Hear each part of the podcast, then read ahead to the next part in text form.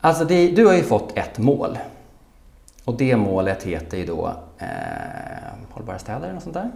Vi ska kolla Mm. vilket mål det är. Mm, mål 11.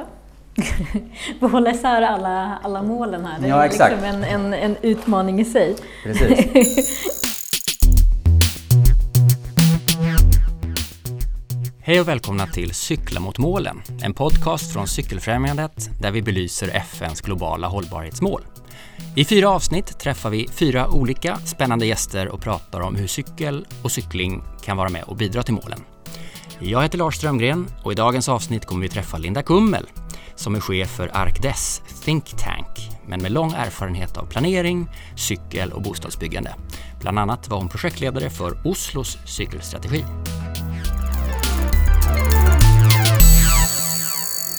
Det jag har tänkt mig är att vi ska ha ett litet samtal om eh, de globala målen och kanske främst det målet som handlar just om hållbara städer och samhällen. Och det skulle vara intressant att höra ditt perspektiv på det utifrån ja, din, vem du är och din roll och sådär. Så vad, vad är hållbara städer och samhällen för dig om vi börjar så öppet? Det är ju ett, det är ett stort mål. Eh, så på ett sätt så är det ju svårt att säga exakt vad som ingår i det utifrån mitt perspektiv. Men eh, utifrån det som jag jobbar med idag. Jag jobbar som enhetschef på Arctic Think Tank eh, och det vi jobbar med handlar ju väldigt mycket om hållbara städer, hållbar stadsutveckling i stort. Eh, Vi ser ju målet lite grann som ett paraplymål. Det är så många frågor som ligger inom det. Just det målet eller Ja, målen generellt? Egentligen mål, ett ett paraplymål för oss och det vi jobbar med. Här är det ju framförallt inom Arktis så är det ju arkitektur och design som ligger i fokus. Även stadsutvecklingsfrågor, dagens, morgondagens städer och så vidare. Så allt det där ryms ju inom det målet. Men samtidigt så finns det ju också väldigt många fler frågor som, som inte bara är designen och arkitekturen utan det handlar om infrastruktur, det handlar om grönstruktur, det handlar om hur människor på olika sätt har en möjlighet att påverka de städer som man bor i. Ehm, Så det, det, det är ett stort och mastigt mål. Så som vi jobbar med det, vi ingår bland annat i någonting som heter Rådet för hållbara städer. Eh, där just mål 11 är det precis det, paraplybegrepp som, som det rådet jobbar utifrån. Och jag sitter i det som kallas för expertgruppen där. Eh, och sammantaget i det rådet så är det då, eh, nu ska vi se, om det är 13 eller 14 olika myndigheter som har då olika sakområden som ligger under paraplyet mål 11. Så att det är ett spännande sammanhang att sitta i. Eh, Så när jag hörde av mig och undrade om vi kunde prata om de hållbara målen så, så var det inget nytt då för dig? att Nej, nej, nej, nej, nej, men verkligen inte. Eh, och det är ju, om man tittar på just vad, vad rådet gör, eh, där är det ju väldigt mycket som sagt vad myndigheterna redan från början kan och, om de här frågorna. Och sen så när man väl samlas så kan man få ut en massa synergieffekter av det.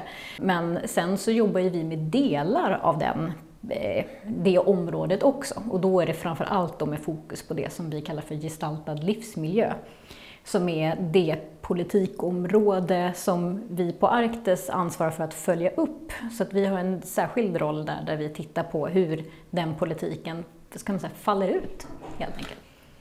Om vi backar några steg till överhuvudtaget det här med mål. Mm. Eh, tror du att det är bra för den stora saken att det överhuvudtaget finns mål? Mm, absolut. Eller är, det, Ja. är, det liksom, är man så nöjd när målen är framtagna så att man då gör nästa grej? Ja, oh, det är en superbra fråga. Jag, jag, är väldigt, jag är väldigt förtjust i att jobba målstyrt. Men man behöver ju också vara väldigt strategisk när man gör det. Att man måste börja i rätt ända. Man ska inte bara sätta ett mål på måfå utan man behöver ju utifrån de frågor som man jobbar med behöver man börja med att samla tillräckligt mycket kunskap om det området som man nu på något sätt vill påverka. Och sen kan man sätta mål och sen så kan man bygga upp strategier för hur det här målet ska nås. Och ofta när man ser målsättningar så är det ibland så är de alldeles för vaga.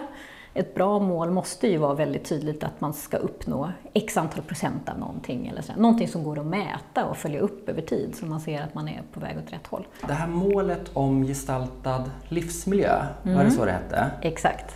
Är det, är det ett mål som regeringen har gett er som För ni är en myndighet va? Ja, Arktis är ju en myndighet och vi har ju ett antal olika myndighetsuppdrag.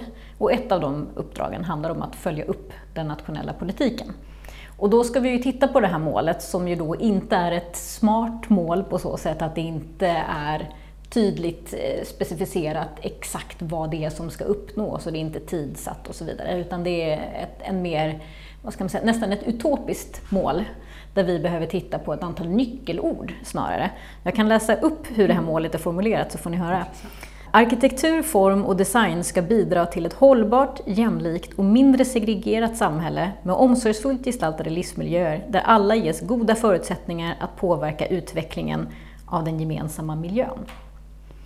Så det är ju långt, det är mm, nästan en vision av vad det är man skulle vilja ha av ett samhälle. Mm. Och där väldigt mycket av hela den, den utredning som ligger till botten bakom det här målet handlar ju om just att peka på vad är det för förändringar som behöver göras i, i det stora, men också en ganska tydlig övergång från att arkitektur, form och design handlar om estetik till att det numera snarare handlar om att sätta människan i centrum, människans behov och mer fokus på vad arkitektur, form och design ger snarare än hur det ser ut. Mm.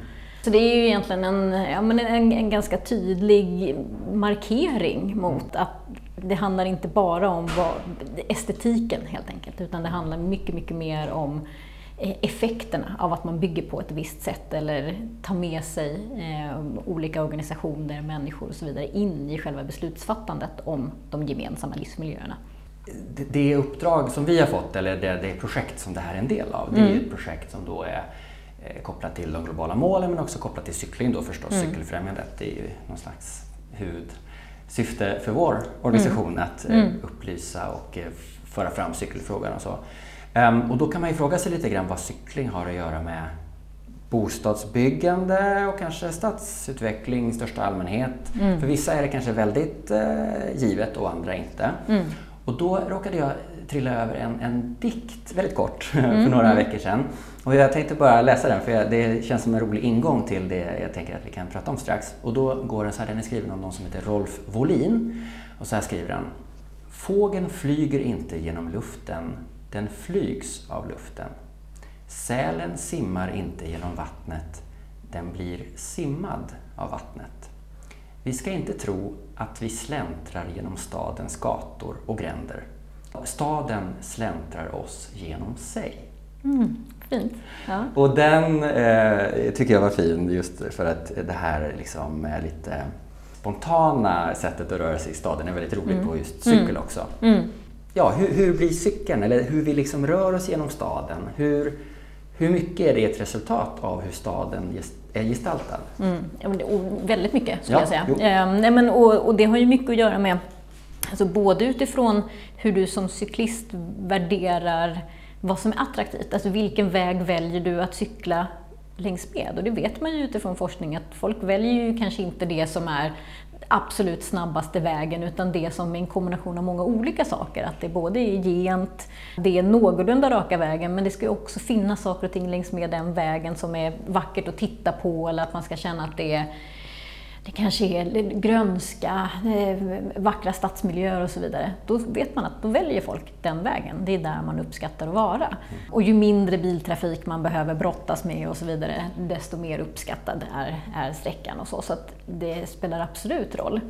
Men sen kan man ju också se utifrån, nu har jag jobbat mycket med, med analyser av gatunät och sådär, hur saker och ting funkar. Hur gör man då, eller vilken slags analyser? Eller den typen av analyser som jag har jobbat med, då handlar det ju mycket om att titta på hela, alltså en, en hel stadsdels gatunät eller en hel stads gatunät och sen så kan man då göra analyser där man tittar på hur olika gatusegment kopplar till varandra.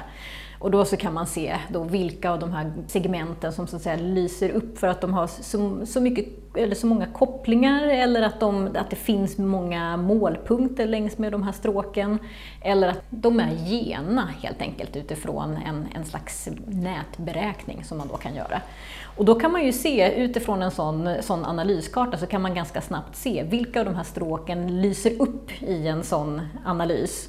Och då är det oftast de här de långa raka gatorna som har många kopplingar. Är det att de är bra? Att de, att de är kanske som då... De är viktiga i ett system? De är viktiga mm. i systemet, att det är de som är mest troliga att man väljer. Och då kan det ju vara om man tänker sig om man tänker Södermalm som, som ett exempel, där det finns till exempel Götgatan och Hornsgatan som är de här långa raka gatorna som direkt kopplar mot broar där du kan ta dig vidare mot andra stadsdelar. Men där finns det också väldigt många korsningspunkter mot andra gator. Så de är lite grann som ryggrad i stadsdelen kan man säga. Och de gatorna är oftast otroligt viktiga för cyklister, för att det är de du behöver röra dig längs med, både för att komma till ett antal olika målpunkter som finns längs med dem. Det kan vara butiker, restauranger, skolor, arbetsplatser. Men de är också de gatorna du rör dig längs med för att ta dig vidare till nästa stadsdel. Så man vill liksom inte avvika från dem eller ta en omväg någonstans heller, för att då, då hamnar man liksom fel sett den riktning som man vill vara på.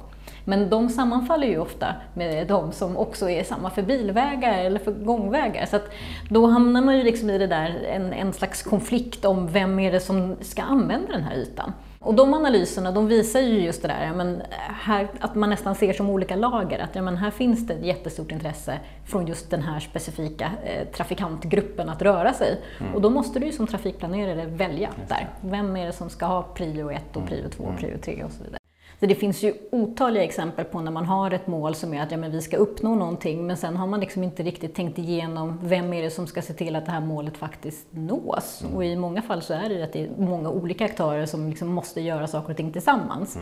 Mm. Eh, men ett sånt exempel, nu ska jag inte vara alldeles för hård, men vi har en regional cykelstrategi i Stockholm till exempel som just säger att vi ska nå en, en viss procentandel cykelresor. Eh, och det har man ju satt utan att egentligen börja titta på var, var ligger vi nu någonstans? Vad behövs för att vi ska komma dit överhuvudtaget? Utan det är mer, ja men dit ska vi, men, men att man inte har en tydlig strategi och framförallt har man ju inte alla kommunerna med sig på det.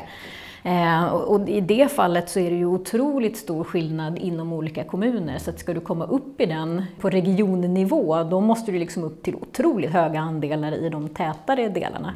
Och då måste man ju ha med sig kommunerna på det, annars funkar inte det. Vad är det som hindrar oss? Mm. Jättebra fråga. Eh, jag tror att en stor del i det handlar om att där besluten tas, man måste förstå vad det är man beslutar om. Hur menar du då? Nej men exempelvis, eh, jag jobbade ju ansvarig för att ta fram en cykelstrategi för Oslo. Och där var ju en av de eh, frågorna som vi lyfte fram som otroligt viktigt just för att kunna kommunicera vad den här strategin handlar om. Då var det ju att, att lyfta ekonomin i det hela. Hur mycket tjänar samhället på att vi gör det här? Och då kunde vi ta fram siffror på att för varje ny cyklad kilometer som görs av personer som inte har cyklat förut, då tjänar samhället 26 norska kronor.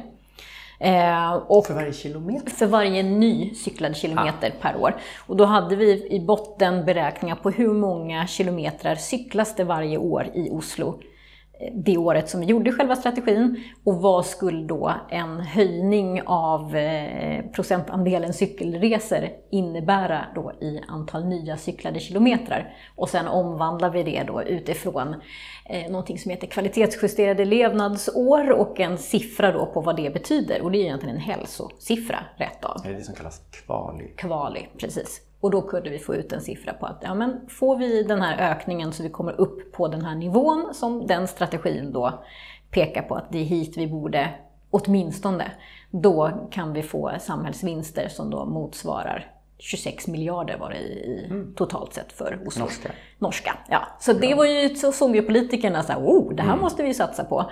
Så att där handlar det ju mycket om att prata lite samma språk, för Just de pratar ju pengar i alla andra sammanhang. Så att för dem att, att öka cyklingen, mm. det är för vagt. Men det som som jag tror kanske är den största utmaningen är ju att många ser just cykel eller trafikfrågor som jag oftast försöker prata om, att man tänker att det är en trafikfråga. Men det är ju mycket vidare än så. Att ska du få fler människor att cykla så behöver du absolut jobba med att eh, få cykelbanorna trygga och säkra så att de som idag tycker att det verkar vara obehagligt att cykla, att de ska vilja göra det. Men det handlar ju också om att skolor behöver vara med på banan så att de aktivt jobbar för att barnen ska ta sig dit per cykel eller gåendes. Det handlar också om hur butiker jobbar med att faktiskt få entréerna bra cykelvänliga så att det finns en möjlighet att faktiskt parkera cykeln med entrén. Det är inte alla butiker som vill det, utan de ser inte riktigt att cyklister är en viktig målgrupp. Ehm, utbildningsförvaltning, eh, allt sånt här som är inom en kommuns organisation så är det ju massa olika förvaltningar som kan göra saker och ting för att få den där siffran att öka så att säga. Mm. Men det hamnar väldigt ofta på... Men har de det uppdraget? Nej men no, precis, och det är ju en sån sak då som de har löst i, i Oslo genom att helt enkelt lyfta det uppdraget så att de har det på den högsta nivån. Eh, och sen istället för att lägga det som ett trafikprojekt på trafikkontoret. Så det är ju ett, ett, smartare sätt att jobba på. Eh, för då kan du också mer ge ett uppdrag och säga till utbildningsförvaltningen till exempel att mm. här finns det saker och ting ni kan göra inom ramen för er verksamhet. Mm. Spännande. Det är ju ganska kul för att jag tror första gången jag träffade dig var i Oslo tror jag.